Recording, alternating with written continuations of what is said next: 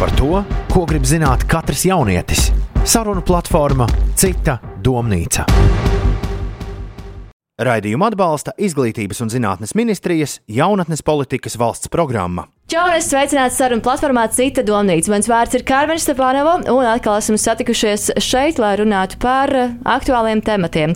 Kāds būs šīs reizes temats, par to tev izstāstīšu jau pavisam drīz, bet atgādinu, ka raidījumu Cita domnīca var klausīties piecēlvē ētrā.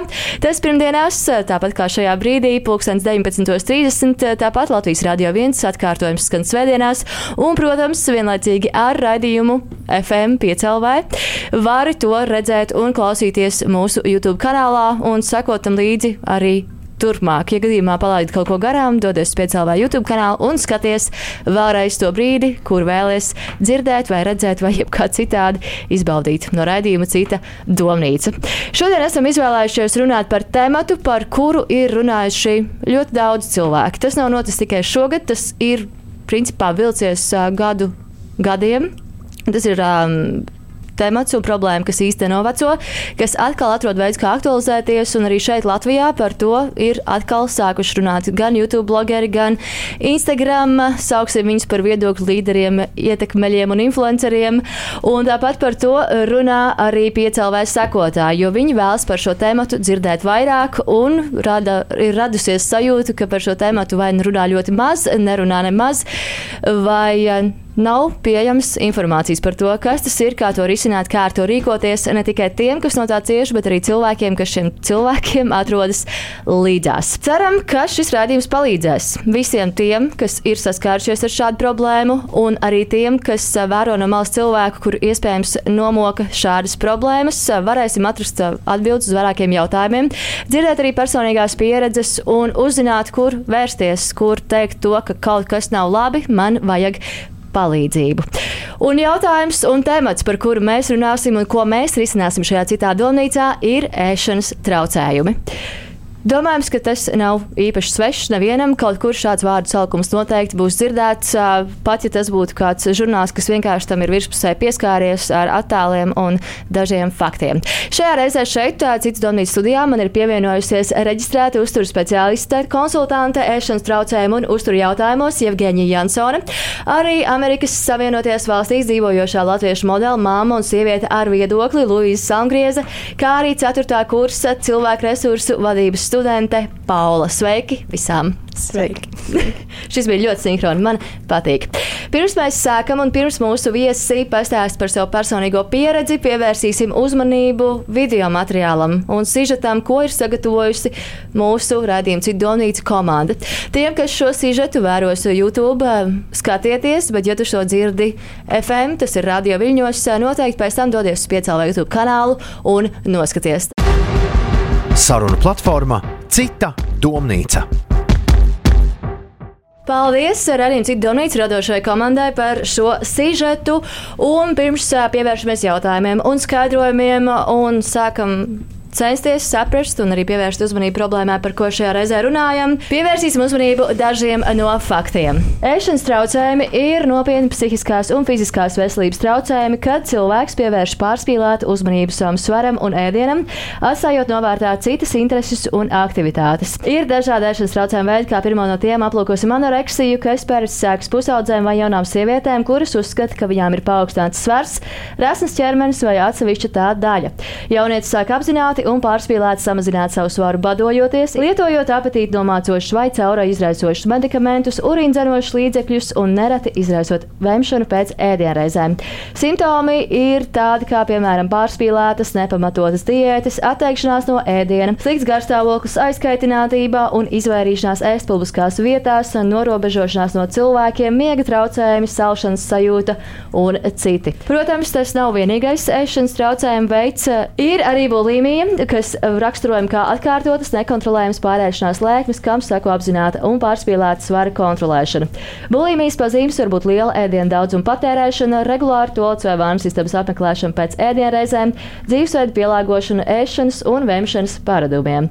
Un vēl viens ēšanas traucējums, par ko šķiet mēdz runāt mazāk vai nedaudz klusāk, ir ēšanas lēkme, kas ir nekontrolēta ēšana, jeb rīšanas lēkme, kur cilvēks uzņem vairākus tūkstošus kaloriju, kam sako vainas apziņa, kauna sajūta, un tā var provocēt atkal jaunu pārēšanās lēkmi. Jevgeģija, vai varu tev lūgt paskaidrot mums visiem, kas ir ēšanas traucējumi? manuprāt, jau ļoti labi paskaidroja, bet ēšanas traucējumi, nu, loģiski, ka tie ir psihiskie, mentālās veselības traucējumi.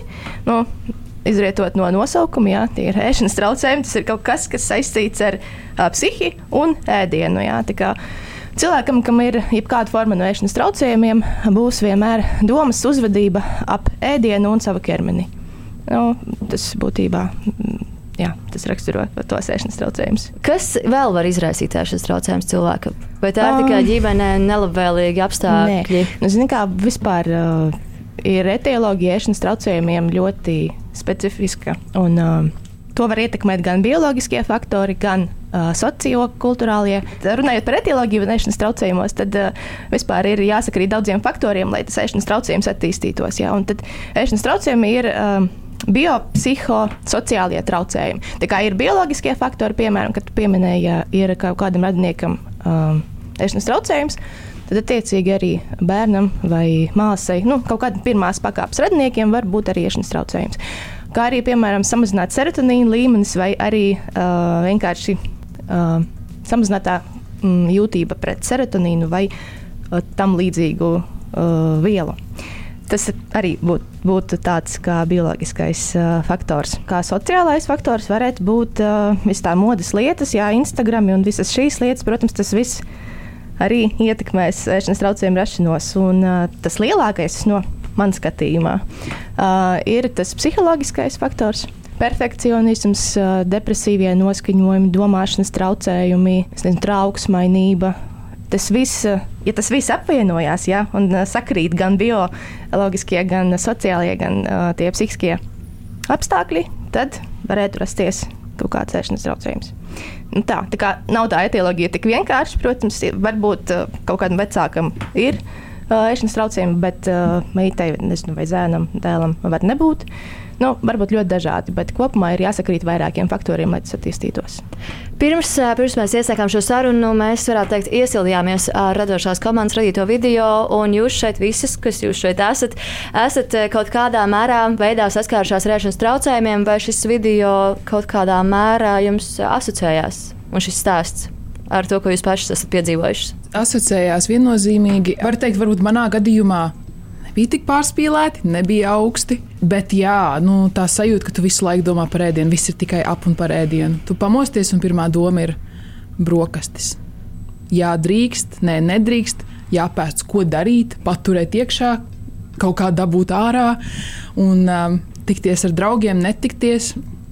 Nu, jā, man liekas, video ļoti labi parādīja, ka šajā gadījumā šai meitenei bija nu, ap, apsēst, tā ir apsēstība, tā ir slimība. Es pilnīgi piekrītu visam, ko tu teici, Luīza. Un vēl uh, man rezonēja no šī video tas, ka uh, ir vēlme noslēgties, jo šķiet, ka pārējie redzēs mani kā milzīgu, kad es paskatos spogulī, es redzu kaut ko, kas ir trīs vai četras izmērs lielāks. Man liekas, ka es nevaru iet socializēties, un, un tā noslēgšanās tā nepalīdz tikt ārā no tās smadzenēs.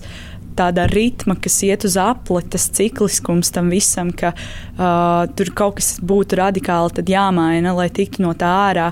Un tu to apzinājies, un tu pat ja, pat, ja tu apzinājies, ka tu esi slims vai ka tas, ko tu dari, nav normāli, tu tāpat to turpini darīt, jo tu nevari sevi apturēt. Jā, tā sajūta, ka um, tu no rīta apēdi to savu vienu banānu un izdzer tēju. Šķiet, oh, mm, cik labi pastrādāt, diena labi iesāksies. Mm -hmm. Un tad mhm. pusdienās kaut kāda salāta, un tad tev kāds iedod nokosties no cepuma. Viss, viss ir sabojāts, un, nu jā, perfekcionisms ļoti grūti tam tikt pāri. Mm -hmm. Un arī uh, gribēju piebilst arī Luīzijai par to atkarību. Jo tiešām um, ārsti it kā nedefinēja to kā atkarību, bet es arī vienmēr arī saviem pacientiem um, saku, ka nu, tā ir atkarība, jo es to arī esmu sajūtusi, un tu nevari neko darīt. Nu, vienkārši tā ir kā atkarība no ēdiena, lai gan jā, fizioloģiski tā nav īpaši tā kā atkarība definēta. Bet, uh, Jā, praktiski tā tas ir spēcīgi. Tas ir spēcīgāks par tevi, jo es atceros, kad es smēķēju, man bija tik pretīgi no tām cigaretēm. Es, es vienalga teicu, nu, vēl vienu, vēl vienu. Tad aizpīpēju, man bija tik pretīgi pēc tam. Bet es vienalga turpināju. Un tāpat bija arī ar uh, bulīmiju, jo es katru reizi, kad es to izdarīju, jutos tik slikti. Uh, Un bija tāds, oh, šī tiešām ir pēdējā reize. Un es atceros, es pie sevis savā galvā zvērēju pie visiem saviem mīļajiem cilvēkiem, lai viņi man piedod. Šī tiešām ir pēdējā reize, Luis, tu taču vari saņemties. Un nepaiet ne pāris stundas, un tu to dari atkal. Un, un atkal zvēri. Un atkal zvēri. Un kaut kādā brīdī tu saproti, laikam, ka nu, jā, tā ir problēma. Sākumā jau nelikās, ka tā ir tik nopietna problēma. Nu, īpaši vēl, ja tu esi gados jauns, tev liekas, nu, kaut kāda fāze tāda tiks pats tam pāri, bet nu, vajag mm. palīdzību viennozīmīgi. Ar ko tas sākas? Kas ir tas pirmais aizmetnis? O, tas var būt ļoti dažādi. Atkal, jā, kā vienmēr, katram cilvēkam būs kaut kas savs, bet ļoti bieži, un manuprāt, varbūt pat visbiežāk tas sākas tieši ar kaut kādu diētu. Nu, vat, pusauģu vecumā, piemēram, 13, 14 gadi, meitenes. Nu, ne tikai meitenes, bet nu, pārsvarā meitenes sāk uh, eksperimentēt uh, oj, ar savu uh, svaru nu, un vispār ar savu izskatu. Un, uh, tad ar pirmās diētas pamēģinājumu viss arī varētu sākties. Jo parasti kādas diētas izvēlās. Ne tās veselīgās, jā, nekas nemāca. Drastiskās diētas. Tās drastiskās diētas tieši tā. Tās izvēlās, un tad pēc tam ķermenis tīri fizioloģiski arī smadzenes vienkārši ir badā. Un tad cilvēkam loģiski, ka vajag kaut kādu, nu, vajag ēdienas. Uh, un, jā, tāpēc uh, ar diētu bieži vien viss sākās. Ir īpaši, ja tā diēta bija izturēta un uh, veiksmīga. Nu, tā kā bija nomests, piemēram, 10 kg divu nedēļu laikā. Ir tādi gadījumi, kad tas izdevās. tas izklausās ļoti neveslīgi. Nu, tas ir ļoti neveslīgi. bet, ja, ja saka, izdevās, tas kompliments. Jā, jā tad, kompliments tad visi sākās, saka, ka man, man sāka teikt komplimentus, tik patīkami, tā ir tā pirmā fāze. Un tad pēc tam, pēc kāda laika, seko atkal tas otrais. Jā. Es ceru, ka mēs aizskarsim arī jautājumu par uh, diētām. To vispār vārds kā tāds diēta. Uh, man liekas, ka tā ir vienkārši problēma sakne. Tam vispār vajadzētu būt aizliegtam. Kāpēc ir žurnāli, kas raksta Joprojām. uz vāka rekurdiēta, tur ātrāk vasarai. Notievē pirms kāzām, notievē pirms izlaiduma. Es vienkārši aizliegt, tā ir sakne problēma. Radījums ir Donīts, atgriezīsies jau pēc brīža, turpināsim runāt par ēšanas traucējumiem. Saruna platformā Cita domnīca. Radījums Sidonīca ir atpakaļ tavās ausīs, un, gatavojoties raidījumam, mēs vēlējāmies noskaidrot, cik no piecēlā Instagram sekotājiem ir saskārušies vai šobrīd saskars ar ēšanas traucējumiem. Paldies visiem tiem, kas uz aptauju atbildēja, un aptaujā noskaidrojām, ka 227 cilvēki atzīst, ka ir saskārušies vai saskarās šobrīd ar ēšanas traucējumiem, savukārt 355 atbildējuši, ka nesaskarās. Ne tas notiek viņiem apkārt, ne viņi paši to ir piedzīvojuši. Jevgeņija, pirms tam ārpus ētera jautāja tev, kāda ir situācija Latvijā, bet tu minēji to, ka dati vēl nav savākti. Vai tas neinteresē nevienu, nu, kas notiek šeit? Izskatās, ka jā, vai es nezinu, varbūt es vienkārši nevaru atrast uh, pietiekami labu pētījumu, nu vienkārši kaut kādu pētījumu, kas liecinātu, jā, mums ir tik un tik daudz cilvēki. Nu, nav tā problēma pētīt Latvijā. Mēs tikko sākam par to runāt šobrīd. Uh, Un mums jau ir ļoti gados. daudz par ko runāt mums šajā jautājumā. Runāt, jo šī problēma mums ir Latvijā, bet vienkārši nav vēl savākti tie dati. Es šobrīd mācos magistrantūrā, un es arī domāju tieši par to, savākt kaut kādus epidemioloģiskos datus, nu, cik kāda situācija ir Latvijā. Bet uh, mēs varam runāt par pasauli ja, kas ir pasaulē šobrīd ar tiem mēšanas traucējumiem. Es arī atceros, kad es uh, sāku mācīties tikai uzturu. Tad mums uh, psihoterapeiti un psihiatri, kuri pasniedza to uh, priekšmetu, uh, minēja, ka tur ir aptuveni uh, 0,5% slimo ar anoreksiju nu, kopumā jā, populācijā. Uh, tad aptuveni 1,5% ar bulimiju un uh, līdz 2% ar kompulsīvo pārešanos, iepēšanas lēkmēm. Uh, un es skatījos. Uh, jā, šogad pēdējo mm, sistemātisko pārskatu. Sistemātiskais pārskats ir vienkārši uh, vairāku pētīju uh, sīka analīze, ja, no kurienes kā, mēs varam tiešām izdarīt kaut kādus secinājumus. Un, lūk, tur bija uh, dati jau tādi, ka uh, savā dzīves laikā aptuveni 8% uh, cilvēku, uh, sieviešu, saskarās ar šo problēmu, ap 2% vīriešu. Kā, šies, nu, šis skaitlis ir vairāks nekā. Nu, tas, Bet man, man rodas jautājums, vai uh, nav gluži tā, ka mēs tos īstos skaidrus mums nedabūjam cilvēki par to negrib runāt Arī, vispār. Jā, jā tas, ir, tas ir ļoti, ļoti šaura. Kur jā. tad ir tā robeža? Ir ēšanas traucējumi vai nav? Viena lieta ir, ok, tu aizēji, teiksim, to ēdienu atvem vai iedzer cauri izdevums, ok, tā tad, nu, mēs varam te uzlikt to labelu, tev ir bulimija. Anoreksija, ok arī varam uzlikt to leibu, ka tev ir tas body mass tur indeks ļoti zems un uh, ēšanas traucējumi, man liekas, ir ārpus vēl tā.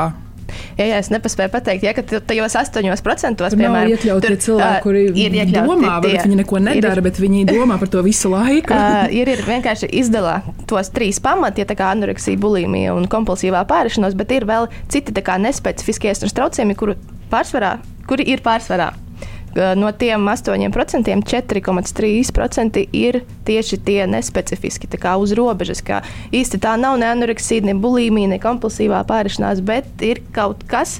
Uh, kas liecina, ka tomēr ir tas ēšanas traucējums. Iedalījums patiesībā ir vienkārši par to, nu, mēs neesam tik labi informēti. Mēs zinām, anoreksija, bulimija, kompulsīvā pārēšanās kaut kur esam dzirdējuši, bet par to, kas ir uz robežas, īsti neīsti. Tas jau arī ir. Es par to atkarību vēl gribēju, ko mēs pirms tam teicām. Teiksim, manā gadījumā es varu pateikt, ka tas ir tiešām tā kā, kad alkoholiķis izārstējās, viņš jau visu dzīvi, nu, viņš ir paliek alkoholiķis visu viņš dzīvi. Viņš tāpat iedomāsies. Jo es teiksim, neteiktu, ka man šobrīd ir bulimija vai anoreksija, ar mani viss ir kārtībā, bet tas ir manā, tas, tas fails, tas viņš tur paliek. vienkārši ir. Un es zinu, ka man sevi ir ļoti jākontrolē. Ļoti jākontrolē, ka tas man uz visu dzīvi visticamāk tā arī būs, jo ir pagājuši vairāk gadi. Un, ir pa posmiem. Pa posmiem ir brīži, kad uh, es jūtos, o, oh, es esmu tik veselīga un tik forša un viss ir tik super, un tad tas kaut kā atnāk atpakaļ. Es esmu jau uz robežas, esmu gatava kaut ko atkal darīt. Cik sen tu, cik sen tu izārstājies no tā? Uh, nu, manai meitai tagad ir trīs ar pus gadi, tad četrus gadus atpakaļ mēram es paliku stāvoklī. Nu jā, kad es paliku stāvoklī, tad arī. Uh, tad es arī sāku diezgan momentāli jā, pārtraukt visas tās rīcības. Ja tu agrāk kontrolēji savus kaut kādus ēšanas paradumus, tad nozīmē to, ka tu esi jaunā kontrolē, tev ir jākontrolē, tu neatgrieztos pie šādiem ieradumiem. Es joprojām man ir tas perfekcionisms joprojām es pārdzīvoju, es kaut ko sliktu apēdu. Tāpēc es, nes, tāpēc es saku par to, kur tā robeža ir. Jo es nevaru pateikt, ka man nav vēšanas traucējumi šobrīd. Es nevaru, es ne, ne, ne apkārt un nesaku, es esmu piemērs, kā es izārstējos. Es varu vienkārši cilvēkiem palīdzēt tikt ārā varbūt ar savu stāstu no tās, tās akūtākās fāzes. Jo, nu jā, man bija tā, ka es katru dienu, es reāli katru dienu atvēmu to, ko es ēdu.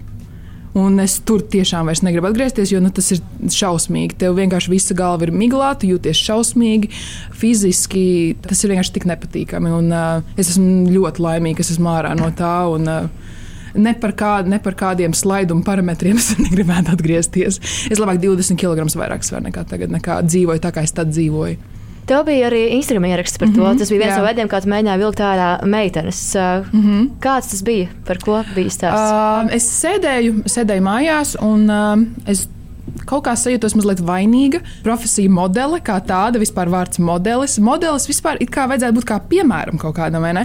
Un tad es paskatījos uz visām modelēm, kas man ir apkārt, un es, diemžēl, lielākā daļa, tiešām es teiktu, 90% meiteņu, ar kurām man ir tuvas attiecības, ir atzinušas man, ka viņām ir ēšanas traucējumi. Un ir, protams, meitenes, kuras nav to man atzinušas, bet es viņas tik tuvu nepazīstu. Tātad kāda ir iespēja, ka, teiksim, kaut kādas 20 manas tuvākās draudzenes visām ēšanas traucējumu modelēm? Tad es sapratu, ka tas ir kaut kas tāds, par ko neviens nerunā. Visi ļoti kautrējās, jutās vainīgi. Man uh, viennozīmīgi bija vieglāk, tāpēc, ka es biju jau mājās ar meitiņu, un es tajā konkrētajā brīdī vairs nestrādāju. Uh, jo, protams, tev ir bail publiskā vidē pateikt, un tad cilvēki sāks tevi nosodīt. Um, teikt, ka tu esi kaut kāds tur vājš vai neizturēji. Vai, nu, jā, tā kā bija mazliet grūti par to runāt publiski, bet man liekas, ka, ja es sākšu par to runāt, Tas e, man būtu bijis ļoti noderīgi, kad es sēdēju pie poda. ja kāds cits būtu, ja kāds cits būtu jā, jā. tā man arī man ļoti daudz meitenes uzrakstīja pēc tam privāti un lūdza saglabāt to konfidenciāli un teica, jā, ka viņām ir šāda veida vēstules uzrakstītas pašām priekš sevis, ko viņas nekad dzīvē nenopublicēs, jo viņu vecāki nezina, viņu draugi nezina, viņas slēpj no visiem. Un, un, tad, un tad es sapratu, ka tā problēma ir vēl aktuālāka nekā man likās, un tad es sāku, sāku mācīties Ņujorkā par uzturu. Man es vēlāk iestājos skolā, jo man, es sapratu, ka man ļoti, ļoti gribās palīdzēt, jo man, man pietrūka tā palīdzīgā roka, tad, kad man tā problēma bija. Uh, es nemeklēju viņu, jo es baidījos, man bija kauns. Tāpēc es uh, spēru to soli publiskā vidē runāt, jo cilvēki mūsdienās ieliek bildi, kur viņi labi izskatās, ietagot tur jaka no turienes, zābak no turienes. Man ir viss super. Bet, uh, Patiesībā jau mums visiem ir problēmas, un uh, kāpēc mēs par viņiem nerunājam? Jo tur jau radās visas tās depresijas, un atkal mēs atgriežamies pie ēšanas traucējumiem. Jo, ja tu jūties viens un tu jūties uh, viens ar savām problēmām, tad nu, kā tu vari būt vesels? Man liekas, mēs viens otru vairāk atbalstītu un runātu par šīm lietām, tad uh, ilgtermiņā tas procents, ko mēs tikko minējām, viņš droši vien samazinātos. Tā patiesībā ir daļa no terapijas. Uh, vienkārši iesakām pacientiem, kuriem ir šie traucējumi, palasīt uh, kaut kādus ierakstus, mm -hmm. vai ko. Vienkārši cilvēks, kad Tas ļoti lasa, palīdz. tas ļoti palīdz. Vienkārši apzināti, apzināties to, ka kādam vēl ir šāda problēma. Es neesmu viens tajā. Un kāds to var Šī ļoti atrisināt, palīdz, ka tu vari tikt jā. ārā no Un šīs problēmas. ārā no šīs problēmas. Jā. Lai gan tas nav, nav arī tik vienkārši un parasti aizņem tos uh, desmit gadus, tas var aizņemt, bet uh, var tikt vaļā. Jā. Pauli, kāds ir tavs stāsts, ar ko sākās tavs, tava problēma? Es pilnībā piekrītu Luīzai par to uh, robežu novilkšanu, jo es neesmu ne, uh, ne vēmusi, ne arī uh, klasisks variants anoreksijai. Es esmu ska, uh, bijusi tajā uh, pa vidu, līdz ar to man šķita, ka nu, es jau nevēmstos, es jau uh, tur nebadojos piecas dienas, tam man nav jā, jāsaka nevienam, ka tā ir problēma. Es zināju to savā galvā, un manuprāt, ļoti daudzi cilvēki ir tādi, kuriem nav ekstrēms gadījums, bet tas ir viss, par ko viņi domā, tas ēdiens un um, tā sevis nosodīšana, ka viņi ēd vienatnē, un uh, nevienam to nesaka. Un, piemēram, bija tā, ka es uh, ģimenē ar vecākiem ēdu normāli, un, un viss no malas izskatās labi, es eju sportot, un viss kārtībā, bet izējot vakarā pastaigāties, es aizēju uz veikalu un nopērku šokolādes tāfeli un ēdu vienu pati, un pēc tam jūtos briesmīgi un sev bezmaz vai fiziski, fiziski sāpes nodaru un tā. Un, uh, Un jā, un vai, tas ir, vai, tas, vai tā ir anoreksija vai bulimija? Noteikti, ka nē, bet tas ir kaut kur pa vidu. Tas, tas ir, ne, es to nosaucu par tādām neveselīgām attiecībām ar ēdienu. Mm. Kaut kam, kas it kā ir tik pašsaprotams, ka jā, ir jāpēta pa dienu. Mēs visi to zinām, visus, visās darbvietās pusdienu pārtraukumi. Uh, Ir vēl kas saka, cik reizes dienā tev ir jāpēd? Jā, tieši tā. Un, un ir tas trīs ēdienreizes dienā, un, un tu beigās nesaproti, kā man ir jāēd, ko, ko mans ķermenis grib. Es esmu pieņēmusies svarā, kā, ko man tagad darīt.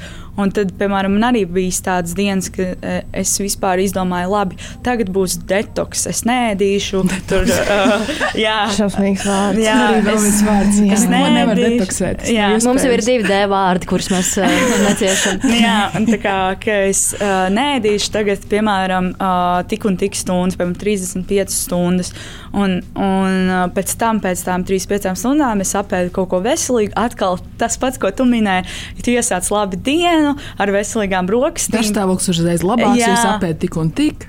Jā, un vakarā vienkārši atkal uh, uh, es sēdu tos cepumus un nevaru apstāties. Un tā ir tāda tā kā lēkme, kurā tu nedomā ar galvu. Tu vienkārši dari to trešais. automātiski. Tas trešais tad Jā, ir. tad, tas trešais varētu būt tā pārēšanās, tāda lēkme. Mm -hmm. Teiksim tā, ka tas notiek. Kompulsīvā Jā. pārēšanās. Oh. Kā un kad tev tas sākās? Vai tu vari atklāt, vai bija kaut kāds iemesls, vai vienkārši klikšķis un aiziet? Es atceros, tīņu gados jau man par savu augumu bija diezgan neveselīga domāšana, jo uh, es nebiju modele, es, es, es esmu īsa auguma, un man katrs kilograms parādās. Es redzēju, ka uh, nu, nebija tā, ka man ir tik daudz puikas pievērs uzmanību, tikpat cik manām draudzenēm. Un, uh, Man sāka nepatikt tas veids, kā es izskatos, bet, uh, bet tad ilgu laiku es vienkārši ēdu, vienkārši daudz ēdu, lai tās, piemēram, es jūtos slikti, es nopirku šokolādi vai katru dienu pirku snickeru vai nu, kaut ko tādu darīju. Un, un tad vienā, tad šovasar, un tas bija bez tādas. Uh, es nebiju pajautājusi sev, ko es īsti daru. Tas nebija tāds ar prātu, es neēdu, es ēdu vienkārši automātiski. Emocionāla ēšana Jā, jā. emocionāla ēšana. Un tad šovasar, kad tad, tad man beidzās skola un bija vasaras brīvlaiks, un tad es saprotu, ka tā emocionāla ēšana ir bez kontroles. ā, Un es esmu pieņēmusies svarā par septiņiem kilogramiem pēdējos dažos mēnešos.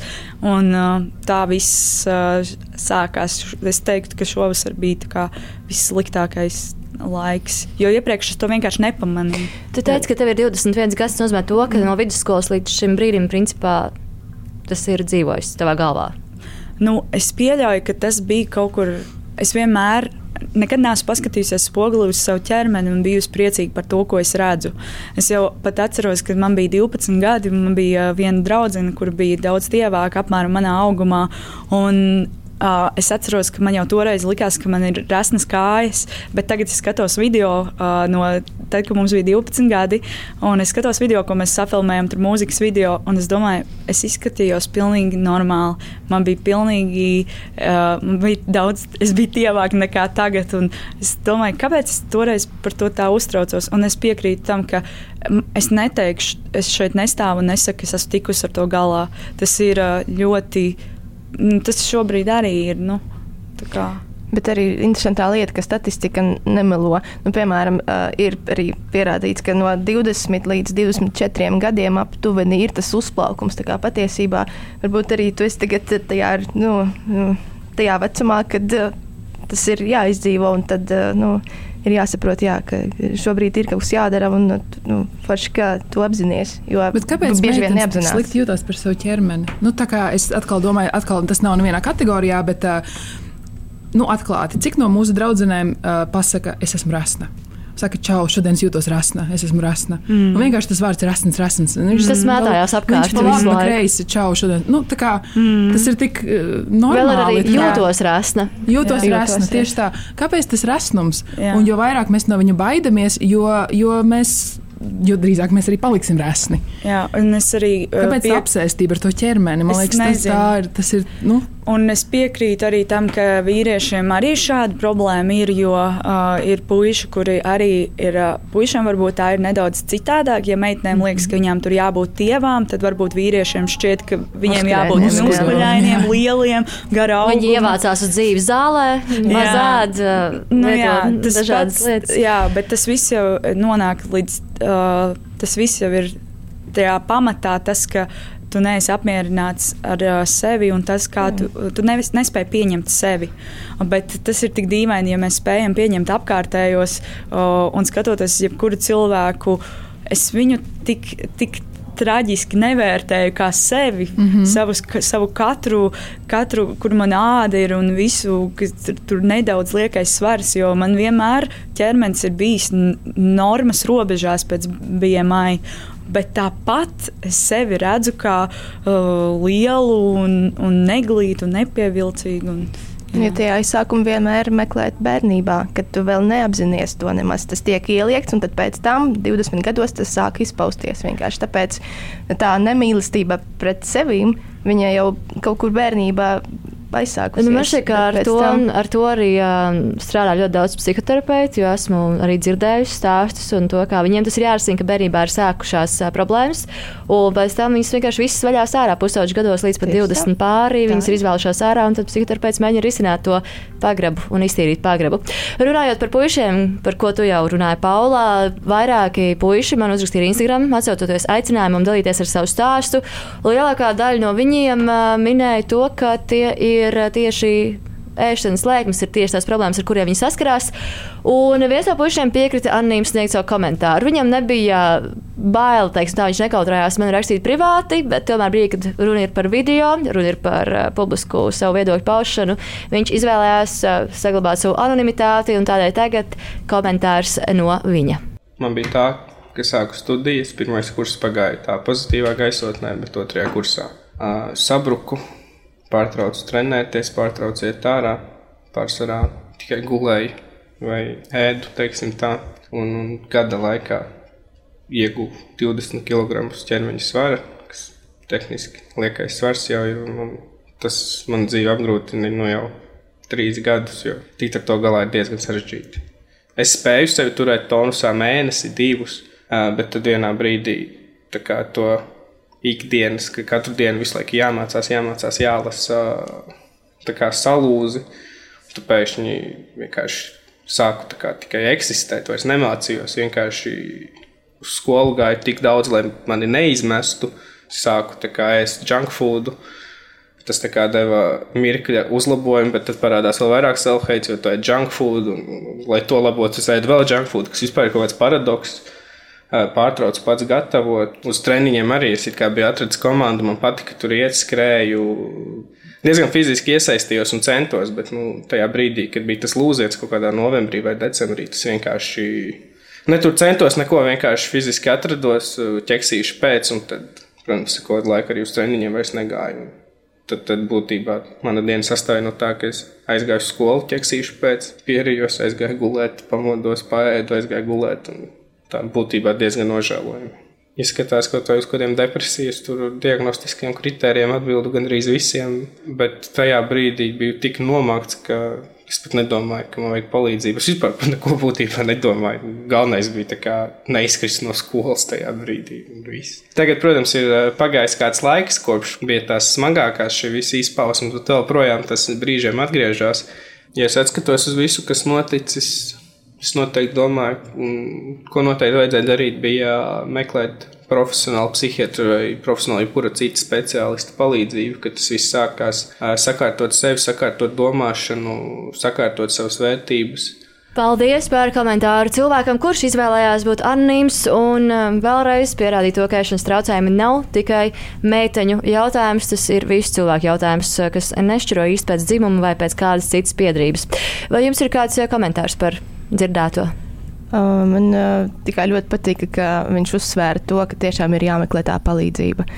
Atkal tikai 10% no visiem, kam ir kaut kāda forma no ēšanas traucējumiem, meklē palīdzību un saņem to. Tā kā vairums tiešām paliek apkārt, jā, bet profesionālā palīdzība spēlē milzīgu lomu izārstēšanā. Un, uh, ir jāmeklē psihologs, psihoterapeits, uh, psihiatrs, kaut kāds cilvēks, kurš tiešām nu, varētu tajā palīdzēt. Jo psihoterapeits, manuprāt, ir tas pirmais cilvēks, uh, kurš spēlēs tādu lielāku lomu, lai savu domāšanu un vispār savu emocionālo pasauli sakārtotu. Un, protams, gadījumā, ja kāds šobrīd domā, dzirdot Jevģīnijas komentāru, kur tad meklēt palīdzību, gadījumā to esi jaunietis līdz 18 gadiem, tad pusauģu resursu centrā var palīdzību saņemt bez maksas. Tieši tā un tur vērsties. Un, kā jau mēs vairāk kārt esam runājuši gan citā domnīcā, gan piecēlā ētrā, tad speciālisti ir diezgan pieejami. Un varbūt var ieteikt, ko darīt tiem, kam ir 18, jo es arī zinu to, ka atrast savu psihoterapeitu ir ļoti grūti. Tu vari izskriet cauri vairākiem līdz brīdim, kamēr saproti to, ka tas cilvēks, kas sēž pretī, tiešām ir tas, ar kuru tu vēlēsies. Jā, no, nu, es šobrīd neteikšu vārdus, protams, jā, bet ir mums arī Latvijā, paldies Dievam, ka ir tādi speciālisti, kas arī pieaugušo uh, vecumā specializējās tieši uz ēšanas traucējumiem. Tā kā var, es nezinu, vai var, var rakstīt. Uh, Man vismaz, nu, es nezinu, kaut kā vienkārši, lai dabūtu tos vārdus, jā, tos psihologus vai psihoterapeitus, kas varētu palīdzēt. Jo arī psihologu vidū ne visi psihologi izprot šo problēmu. Jo liekas, ja tā ir ēšana un nu, tā kā Es nezinu, kāpēc, jā, bet tā problēma ir nedaudz nopietna. Neiz, jā, un tā kā arī psihologu vidū nevienmēr ir viegli atrast, ne visi psihologi var palīdzēt, bet mums Latvijā ir, un ir ļoti labi gadījumi, kad nu, tiešām izārstējās no smagām formām. Un, tad ir vienalga ir jāmeklē, ir jāmēģina. Nav tā kā jāsēž un jādomā pat nu, pašam savās domās, jā, bet uh, jāsaka draugiem, es nezinu, uh, jāatklāj vecākiem, varbūt tas arī ir kā izārstēšanās posms, varētu būt kā tāds mazais soliņš. Kāds ar ko tu dzīvo um, kopā droši vien? Jā, bet ir jāmeklē profesionālā palīdzība, vienkārši jāmēģina.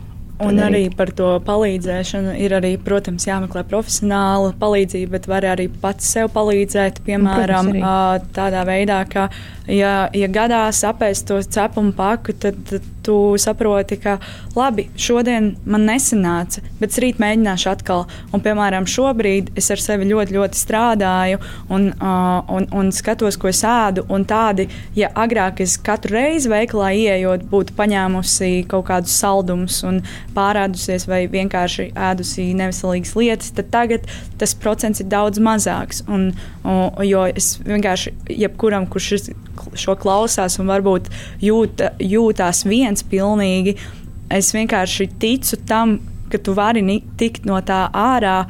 Arī palīdzot sev, un sev varbūt nenosodot tik traki, Radījums ir domnīca atgriezīsies pēc brīža. Turpināsim runāt par ēšanas traucējumiem. Saruna platformā Cita domnīca. Saruna platforma Cita domnīca ir atgriezusies šeit, studijā kopā ar mani Karmenu Stepanovu atrodas gan Paula, gan Evgeņija, gan Luīzu. Mēs šatinām jautājumu par ēšanas traucējumiem. Kas tas ir, kā to atpazīt, kā rīkoties, ārstēt un palīdzēt. Paldies Zanai Zāberei, kas mums ir sagatavojusi savu komentāru. Zana šobrīd dzīvo Londonā, kur studē, studēja un praksē apgūst koču profesiju, lai palīdzētu citiem atvesļoties no ēšanas traucējumiem. Arī Zana ir tos pārcietusi, tādēļ labi zina, par ko mēs šodien runājam. Un tagad lūdzu uzmanību sižetam. Sveiki, 5 LV klausītāji! Mani sauc Zana Zābera, un es esmu kočs, kas specializējas ēšanas traucējumu ārstēšanā. Pie savu veselīgā dzīvesveida es nonācu laikā, kad pats cīnījos ar ēšanas traucējumiem, un nolēmu, ka tā dzīvot nav patīkami nec man, nec manai ģimenei, nec maniem draugiem. Sapratu, atzinu, ka man ir problēma, vērsos pēc palīdzības un atrisināju to.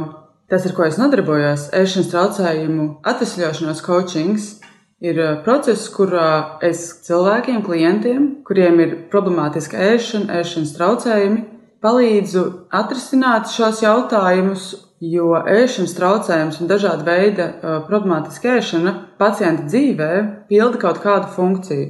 Tas ir neveselīgs centiens risināt kādu pārdzīvojumu, kādu traumu, kādu problēmu savā dzīvē. Cilvēkiem, kas cīnās ar ēšanas traucējumiem, visvairāk, es domāju, ir nepieciešams atbalsts un iedrošinājums. Ēšanas traucējumus nevar pārvarēt bieži vien ar pirmo piegājienu. Un bieži vien, kas nezina šo slimību, tik labi kā varbūt kāds, kas, to, kas šo slimību ir pārciets pats, viņi padodas, domājot, tas nav iespējams atrisināt. To ir iespējams atrisināt, tas iespējams paņemt vairākus piegājienus, bet tas pilnīgi noteikti ir izdarāms. Nepadodies, ja tas vienreiz nav sanācis, tad otro, trešo reizi tas pilnīgi noteikti sanāks. Veselīgas attiecības ar ēdienu raksturo tas, ka mēs pārāk daudz nedomājam par ēdienu. Par ēdienu nevajadzētu domāt vairāk kā pāris reizes dienā pirms ēdienreizēm, kad organisms tev dabīgi pasaka, tā man sāk gribēties ēst. Par ēdienu nevajadzētu domāt nepārtraukti katru, katru minūti darot citus darbus. Ja tu pamani, ka tev ir tāda tendence, tas var liecināt par kaut kādu problēmu, par to, ka iespējams tu ēd par maz vai tu ēd neveselīgi. Kādam, kas cieš no ēšanas traucējumiem, mēs varam palīdzēt, iedrošinot viņu, nenosodot viņu, neaprunājot viņu aiz muguras. Ēšanas traucējumi joprojām ir diezgan nosodīta saslimšana, ar to slimo tikai modelis, ar to, ja tas ir pārēšanās ēšanas traucējums, tad, tad tas cilvēks ir vienkārši slings un negrib sportot, vai viņam ir tendence pārēsties. Tā nav taisnība. Kā nēšana, tā pārēšanās ir šī neveselīgā stratēģija, kā risināt kaut kādus pārdzīvojumus. Paldies Zanai Zāberei par viņas sniegto komentāru. Kā ir ar jums, dāmas? Kam jūs piekrītat, kāda ir jūsu komentāra? Es gribu tikai piebilst, jā, jo Zana minēja, ka, ja nesanāca no pirmās reizes, tad varbūt sanāks, noteikti sanāks no otrās vai trešās jā. Nu, cīņa ar to. Var arī nesanākt no otrās, trešās, ceturtās, piektās, bet noteikti ir jāturpina mēģināt, un varbūt sanāks no desmitās vai divdesmit piektās. Noteikti nevajag reizes. sadzīvot vienkārši jā, ar to. Jā, jā, jā, Man likās ļoti labi, ko viņi pateica par to, ka nevajag par ēdienu visu laiku domāt vēl, vēl kas tā ir tā grūtība. Tā ir tā, tieši, tā, ir tā lieta, ko pārvarēt. Jo, uh, Pirmīt, tas puisis, kas, kuru komentāru mēs, komentāru mēs klausījāmies, viņš teica, ka mentālā veselība tikpat svarīga kā fiziskā. Es gribētu teikt, ka mentālā um, veselība, ja viņa, viņa, ar viņu kaut kas nav kārtībā, fiziskajā drīz tas izpaudīsies. Tāpēc um, Tāpēc, jā, ir eh, noteikti nedrīkst ignorēt, vienkārši pieņemt, jā, nu man ir šī tā problēma, es iemācījos viņu sadzīvot, es visu laiku ēdu, katru vakaru pārēdos. Tā ir vienkārši tāda mana rutīna. Teiksim, tā, es esmu nu, tā pieredze dzīvot, viss tas, ir labi. Tas ir ok, es vēl funkcionēju, viss ir ok, man nekas nesāp un nekrīt nost. Bet uh, ilgtermiņā, ilgtermiņā tas parādīsies. parādīsies uh, Jā, un liekas, tas vairs nav veselīgs. Tas nav pat par asketisko. Vienkārši mēs tagad nerunājam. Runājam vienkārši tīri par nu, veselību, ka uz veselību tas atsaucās. Mm. Bet vai nav tā, ka mūsdienās tomēr cilvēki baidās kritizēt tieši lieko svaru? Baidās mūsdienās. Jo viegli pateikt cilvēkam, ka viņš ir kaulains, ka viņš ir tievs ģinderis, ir ļoti dažādi vārdi, kā apzīmēt mm -hmm. tievs cilvēkus. Bet, kad runa ir par lieko svaru, tomēr ir jābaidās, ka kaut kādā brīdī neaizskar citādākas jūtas, vai nepasaka plussais, piemēram, cilvēkam, ka viņš ir mm -hmm. tāds kāds. Nu, kā Svars jau vispār ir, man liekas, jūtīgākā kaut kāda tēma. Um, Jā, tāpēc, ka mums liekas, ka tievums ir nenormāli labāks, tāpēc uh, tas nav tik uh, slikts, slikts komentārs, ja pasakā, tu tur esi ļoti tievs. Bet uh, man liekas, ka par lieko svaru nav cilvēki jākaunina, bet arī tas ir, tā, tā ir tāda lieta, kas nu, tas tā nav veselīga. Nē, nu, ir viena lieta, ja tu neesi tur modeļa tievumā, ja, bet otra lieta ir tiešām, ja tev ir virs tā nu, rekomendētā svara, jo nu, Jā. Īpaši jau uz vecumdienām. Tas atsaucās uz muguru, tas atsaucās uz uh, nierēm, nu, uz visu, visiem uz visu, orgāniem. Uz visiem orgāniem. Jā, tas ir ļoti svarīgi. Tā ir veselīgā populācijas cilvēks problēma, jā. ka mēs jau taču ar gadu kļūstam tikai resnāki un resnāki. Tā un ar katru gadu mēs arvien dzirdam to, ka bērni arvien neveselīgi. Un, ar, jā, mm -hmm. tā ir, tas ir vienkārši tās fakts. Un, uh, jā, nu, Bet vai nav tā, ka tas arī var būt aizmirsts sēšanas traucējumiem, ja viņi aug vidē, kur protams, tev tas, tas dod saistīts. netīros, jā, netīros jā. ēdienus? Tas ir saistīts, lai gan uh, kopumā tā no, aptaukošanās ir tā milzīga problēma, kur arī uh, nevar īsti tā nu, uzzināt, no kurienes cēlonis ir. Bet noteikti tie iešanas traucējumi tie tikai provocē. Arī liela daļa no aptaukojušies cilvēkiem būs ar ēšanas traucējumiem, ar to kompulsīvo pārēšanos, piemēram. Un man arī patika Zemes komentārā tas, ka viņa minēja, ka uh, šī problēma uh, nav uh, industrijai vai nu, modeļu industrijai vai, vai kaut kādam specifiskam cilvēku tipam vai uh, grupai, ka tā var skart jebkuru, ka tā var skart uh, visus tos tuvākos cilvēkus, kas tev ir apkārt, jebkurā brīdī.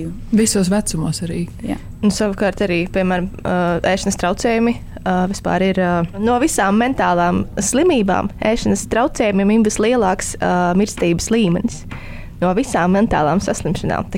Tas tiešām tas ir nu, nopietns jā, jā, traucējums. Jā. Jā, mēs visi zinām, ka ir tāda lieta kā schizofrēnija vai depresija vai kaut kāds cits psihiskais traucējums, bet patiesībā ēšanas traucējumiem ir pat uh, sliktākās sekas un bieži vien viņi var iet arī roku rokā ar tevis nosauktajām problēmām. Jā, tā sauktā komorbiditāte, ja, kad ir uh, vairākas slimības un arī ir pierādījumi, piemēram, ka ēšanas traucējumi bieži kombinējās ar to pašu depresiju, obsesīvi kompulsīviem traucējumiem, garstāvokļa traucējumiem, personības traucējumiem, bipolāriem. Jā, pavisam drīz rādījums ir Dormīts atgriezīsies šeit, piecēlē ētrā. Ja šo klausies Latvijas Rādio 1 ētrā, tad arī tur mēs būsim atpakaļ. Un tad jau ķersimies klāt secinājumiem. Saruna platformā Cita domnīca. Radījums Idolmīts ir atpakaļ. Esam iekāpuši, iekāpuši noslēdzošajā daļā sarunā par ēšanas traucējumiem. Un vēlos lūgt gan tev, Pauli, gan tev, Luīzi, izstāstīt, kā jūs sev palīdzējāt, kā jūs apzinājāties problēmu, vai jūs uh, kaut kur īpaši mēģināt ārstēties, vai Pauli mēģina kaut kādā veidā ārstēties, vai tomēr tas bija tā, ģimene ieraudzīja, māma sadeva pādu. Mm, māma sadeva pādu, es vienkārši meloju. Turpināju melot, bet uh, jau avansētāk, tā labāk iemācījos melot un slēpt vēl labāk. Bet uh, kas man palīdzēja, bija Nu, man liekas, ka problēma liela ir tā, ka cilvēki ļoti maz zina par uzturu, viņi ļoti maz zina, kā ir pareizi ēst un kā tas tiešām ietekmē to veselību. Man palīdzēja tas, ka es ļoti sāku interesēties par to. Es saistīju to savu modeļu darbu ar savu kaut kādu jauno hobiju, ka es uh, sāku par sevi vairāk rūpēties un uh, lasīju daudz grāmatas, skatījos filmas un uh, sapratu to, ka man, man, man tās ilūzijas, kā ir pareizi ēst, ka viņas bija ļoti maldinošas. Uh, tur kaut kāds beztauku jogurts patiesībā daba ir devusi pilntauku jogurtu. Kāpēc mēs ņemam nu, kā kaut, ko, kaut kas, kas ir mākslīgi veidots? Tagad tu sāc tās visas mazās lietiņas saprast, tev izveidojas tāds pil, pilnāks tas attēls par to, kā ir veselīgi ēst. Un, kad tu to zini, ir mazliet grūtāk ēst tās sliktās lietas. Līdz ar to tas kaut kā roku rokā man gāja, ka es par sevi rūpējos nevis tāpēc, ka man kāds lika un tūlīt man kāds mērīs un man ir jāietilpst kaut kādās drēbēs. Es rūpējos tieši no tā veselības aspekta. Es pamainīju to fokusu no, uz, no tā, kā es es izskatos, uz to, kā es jūtos un, un uz, uz savu veselību. Jo es, kā jau teicu, es uh, biju stāvoklī, man piedzima meitiņa. Un, uh, Jā, man gribējās, lai man, ir, lai man ir enerģija, lai es neesmu kaut kāda depresīva, kas sēž uz dīvāna un parādās cepums, un mans bērns uz mani skatās un domā, mana mamma tur ir tāda un tāda. Man gribējās, lai es esmu labs piemērs viņai. Un, uh, jā, tas fokus. Tā, tā, nu, man liekas, nedomāt par ēdienu manā gadījumā bija ļoti grūti. Vienkārši pārstāt domāt par ēdienu. Tas nedarbojas tā vienkārši izslēgt, nedomā. Vai, nu, Mēs neesam tomēr dators. Tas ir ļoti komplicēti un ir jāatrod tas iemesls, savs tas dziļais, īstais iemesls, kāpēc mēs sev darām pāri. Es pilnīgi piekrītu tam, ka tam noteikti ir dziļāks iemesls. Tā ir tikai ārēja izpausme, tā kā jebkura atkarība. Un, uh, man palīdzēja tas, ka es, piemēram, sāku rakstīt uh, dienas grāmatu. Es vienkārši brīdī, es pieķēru sev brīdī, ka pie domas, ka es gribu iet lejā no dzīvokļa uz veikalu pēc šokolādes, un sapratu, paga, kas tagad notiek. Kas tagad notiek? Es atvēru vaļā to dienas grāmatu un sāku rakstīt. Man ir stress, man gribās šokolādi, uh, un vienkārši izrakstīju visu uh, ārā. Un, un es sapratu, ka, piemēram, manā gadījumā tas ir kaut kāds diskomforts, stress. Vistic, visbiežāk, ka noteikti ir kaut kādas situācijas, kas, uh, no kurām, nu, kuras es zinu, ka tur tur es varētu sākt neadekvāti uzvesties. Vai arī, kad es pieķeru sevi galvā, ka es sāku skaitīt kalorijas, piemēram, veikalā, es saprotu, paga, kas tagad manā dzīvē notiek, kā es jūtos. Un man, jā, es pilnīgi piekrītu tam, ka tur ir apakšā noteikti. Varbūt tas nav veselīgākais padoms, bet kas man ļoti strādāja. Man ir, tā, man ir tāds saraksts ar lietām, ko es vienkārši nu, es nedrīkstu. Tas tā kā viņš nedrīkst dzert. Es vienkārši zinu, ka es nedrīkstu pirkt tās lietas. Es viņām eju apkārt lielveikalā, jo zinu, ka es vienkārši nevaru sevi nokontrolēt. Ir kaut kādi ļoti minimāli gadījumi, ka es varu sevi nokontrolēt, bet es labāk, nu, tā kā nav tā, ka man ir jāizvairās. Man nav jāizvairās no salātu lapām vai, ne, vai āboliem. Es vienkārši nepērku šīs kastes ar granolām, jo tās man ļoti, ļoti asociējās ar, ar tiem laikiem, kad es, es vienkārši atbildēju no rīta, oh, es pakontrolēšu sevi, bišķiņu uz jogurtiņu uzbēšanu, es nekad nemācīju apstāties, un vienkārši viss kastizēt, un tad vienkārši viss aizgāja. Es vienkārši nepērku tās granolas, viņas arī nav veselīgas, brokastu pārslas nav veselīgas, tas ir vienkārši mākslīgi izveidots tas stereotips. Tā ir reklāma. Ir, tā ir reklāma. ir jālsa sastāvs vienmēr teica, ieguldījis. Jā, vairumā, bet, jā, vairumā ir cukurs par, cukurs par daudz. Vairumā, jā, jā, tāpēc vis, vislabāk, ja mēs gatavojam paši, bet mm -hmm. arī jālasa etiketes, ir daži ražotāji, kas tiešām pievieno ļoti akurāti to cukuru, un tad tur var kā, arī tos. Tā kā nav visi, bet pārsvarā. Nu, jā, es tieši par tiem, par tiem triggeriem runāju, mm kas katram ir, un kaut kādi saldējumi, kaut kāda lielais saldējuma iepakojums, tur labāk nopirkt tur vienu to saldējumu, nevajag, nevajag sev aizliegt. Man liekas, vienkārši ar vecumu arī nāk tā sevis iepazīšana. Tu labāk zini, ko tu spēj kontrolēt un ko tu nespēj kontrolēt. Rod sev ir... lielāka cieņa pret sevi pašu. Jā, un tu zini, kāpēc man ir jāiet tur un es zinu, kas notiks un kā es pēc tam jutīšos. Tad labāk vienkārši, nu, mm. tev ir pirms, pirms tu zaudē kontroli vispār, ir tas brīdis, kur tu vēl spēj nokontrolēt, un tad ir jāiemācās tajā brīdī apstāties. Ir svarīgi ļoti iemācīties sev piedot. Mm -hmm. Piedot mm -hmm. par šo uzvedību, kas ir bijusi, un patiesi piedot. Ne tā, ka viss, jā, tagad eh, nekas nenotika, bet eh, mācīties to darīt tā ļoti patiesi no sirds piedošana sev. Saprast, ka tā nav tā vaina. Tā nav tā vaina, jo tā nekad nav uh, tā cilvēka tā vaina. Tā ir slimība, jā, tā ir saprast, ka tā ir slimība. Bet tas attiecas ļoti daudzām, daudzām tādām sajūtām, Men, cilvēku problēmām, jā. mentālām slimībām, mm. ka tu nevari pieņemt, jo liekas, tas vienkārši ir prāta stāvoklis vai sajūta. Kādi ir tie simptomi, kuri iespējams būtu jāievēro apkārtējiem, kas iespējams ir pazīmes, kuras var noķert, ja nu, ielūkojas ja cilvēku jā, uzvedībā? Ja ļoti strauji mainās svars, mm. tā kā strauji. Jā, plus mīnus 10 kg. Jā, jā, jā. Nedēļas, nu labi, divu nedēļu laikā tas var būt pilnīgi. Vēl viena lieta, man liekas, jā, āda ļoti arī parāda. Āda. Ja tu redzi, ka kādam vienkārši pēkšņi, jā, viņam savs āda, tur tā kā cilvēks, kurš parasti izskatījās, nu, tāds veselīgs un starošs, viņam pēkšņi ir pumpas, un viņš tāds spēlēcīgs un mati arī. Nu, kā, jā, viss jau ļoti ātri uz āru parādās. Ja Izkrīt ja tie mati, jā. un tad, piemēram, ja pēkšņi tavs draugs, piemēram, ir bijis vienmēr tāds nu, sociāli aktīvs, un tad pēkšņi sākas, ka viņš pazūd tad varbūt tas liecina par kaut ko no ēšanas traucējumiem. Kas būtu tā pirmā lieta, kas ir jāsaka? Tam vai ir kāda nezinu, īstā frāze, prasīt, vai viņš nevēlas runāt par to, vai Man liekas, ka sākumā tu neadre, ir... varbūt neadresēt, uzreiz tev ir ēšanas traucējumi. Nē, tas uzreiz ir uzbrukums. Uzreiz pajautāt, kā viņam, kā viņam jā, vienkārši kā viņš jūtās, kā viņš tā, jūtās, nu, jā. uzmanīgi pieiet pie tā, jā, bet ja tu pamani tādu uzvedību, tad vien, nu, jā, varbūt. Un, ja, piemēram, runāt situācijā, kur zina, ka cilvēkam nav vēdera vīrus un tu viņu pieķer to tā vemjot, jo tas uzreiz jau varbūt parāda. Ir jāizrada empātija uzreiz. Uh, nav jāsaka, Cilvēki nav jāatbalsta cilvēks, vai kaut jā. kā, bet uh, jāsaka, uh -huh, es zinu, es saprotu, kas notiek uh, tādā veidā. Nu, tiešām mums ir jābūt empātiskākiem vispār. Un šajā jautājumā īpaši, uh, kas vēl varētu liecināt par uh, to, ka kādam radniekam vai draugam var būt ēšanas traucējums.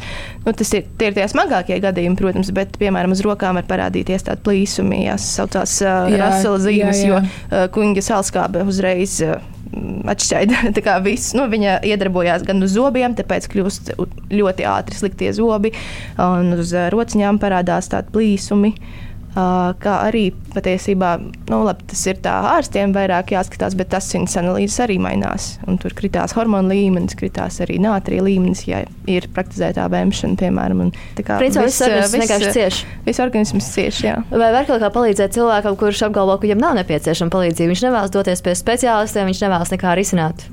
Varbūt var vienkārši mēģināt pavadīt ar to cilvēku vairāk laika kopā, un, ja viņš nevēlas saņemt tieši palīdzību, tu esot blakus. Uh, Viņš nav varbūt gatavs par to runāt. Es arī nebiju gatava runāt. Man cilvēki konkrēti jautāja, vai man ir problēmas, un es skatījos acīs un teicu, nē, man viss ir lieliski. Un, un tikmēr tā vāda jau ir slikta. Un, jā, jā, jā, jā. un es vienkārši meloju. Un tu nevari tādam cilvēkam, viņš nav gatavs saņemt palīdzību, nu, tu viņu nevari vienkārši izvilkt to informāciju ārā. Tu, kā tu vari palīdzēt, ir esot blakus. Es vienmēr jutos daudz labāk. Es atceros, es ļoti daudz ceļoju, es biju ļoti jauna, es uh, daudz pavadīju laiku vienu, un es vienmēr jutos daudz labāk, kad es atbraucu uz Latviju un biju ar draugiem.